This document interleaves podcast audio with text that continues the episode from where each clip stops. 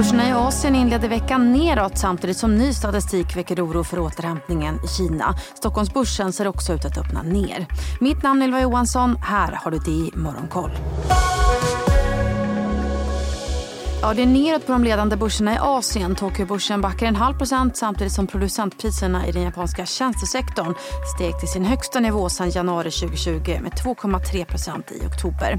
I fastlandskina backar Shanghai-börsen en halv procent. Shenzhen-börsen är ner 1 procent.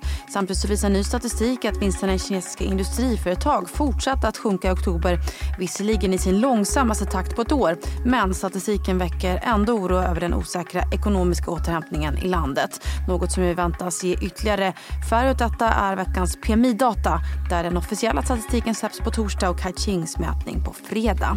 Samtidigt meddelar den kinesiska centralbanken under morgonen att man kommer uppmuntra finansiella institutioner att stötta privata företag utan att ge några ytterligare detaljer. Kinesiska myndigheter har under helgen också inlett en kriminell utredning av skuggbanken Zhongxi som har stor exponering mot kinesiska fastighetssektorn efter att banken i förra veckan meddelat att den inte kan betala sina skulder månader.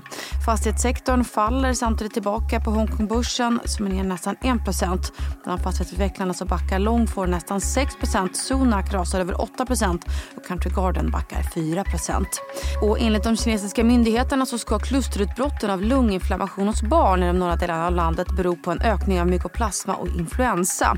Enligt myndigheterna så ser man att smittan håller på att klinga av men varnar samtidigt för att andra lungsjukdomar riskerar att sprida sig i landet första vintern att man lättat på sina covid-restriktioner.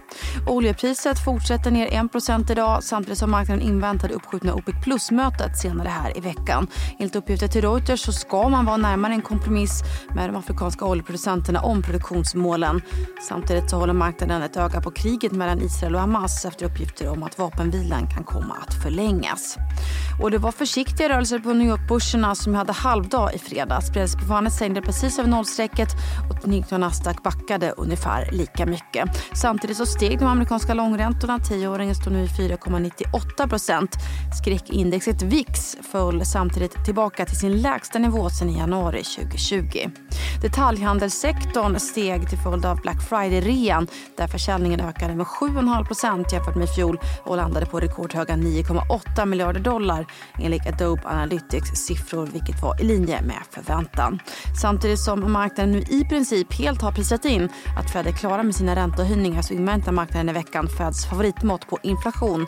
Inflation mätt som PCE som väntas sjunkit ytterligare till 3,5 i oktober. Vi får ju även inflationsstatistik från euroområdet på torsdag som även den väntas ha fallit tillbaka i oktober.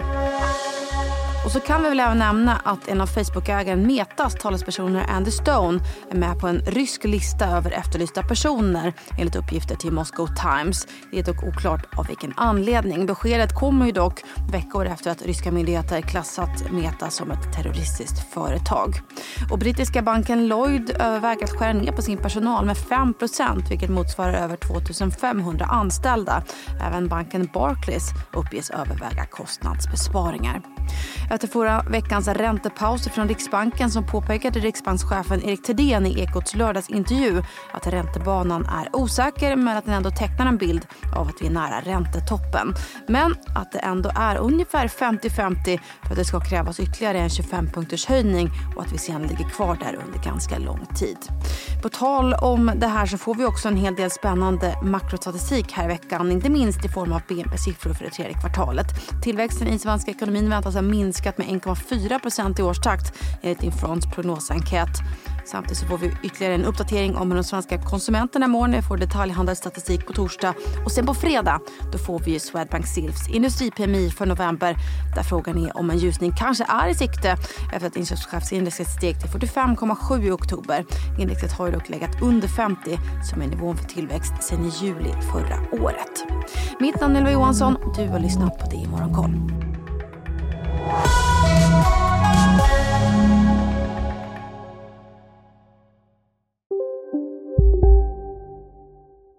Har du också valt att bli egen? Då är det viktigt att skaffa en bra företagsförsäkring. Hos oss är alla småföretag stora och inga frågor för små. Swedeas företagsförsäkring är anpassad för mindre företag och täcker även sånt som din hemförsäkring inte täcker. Gå in på swedea.se företag och jämför själv. Hej, Ulf Kristersson här. På många sätt är det en mörk tid vi lever i. Men nu tar vi ett stort steg för att göra Sverige till en tryggare och säkrare plats. Sverige är nu medlem i Nato. En för alla, alla för en.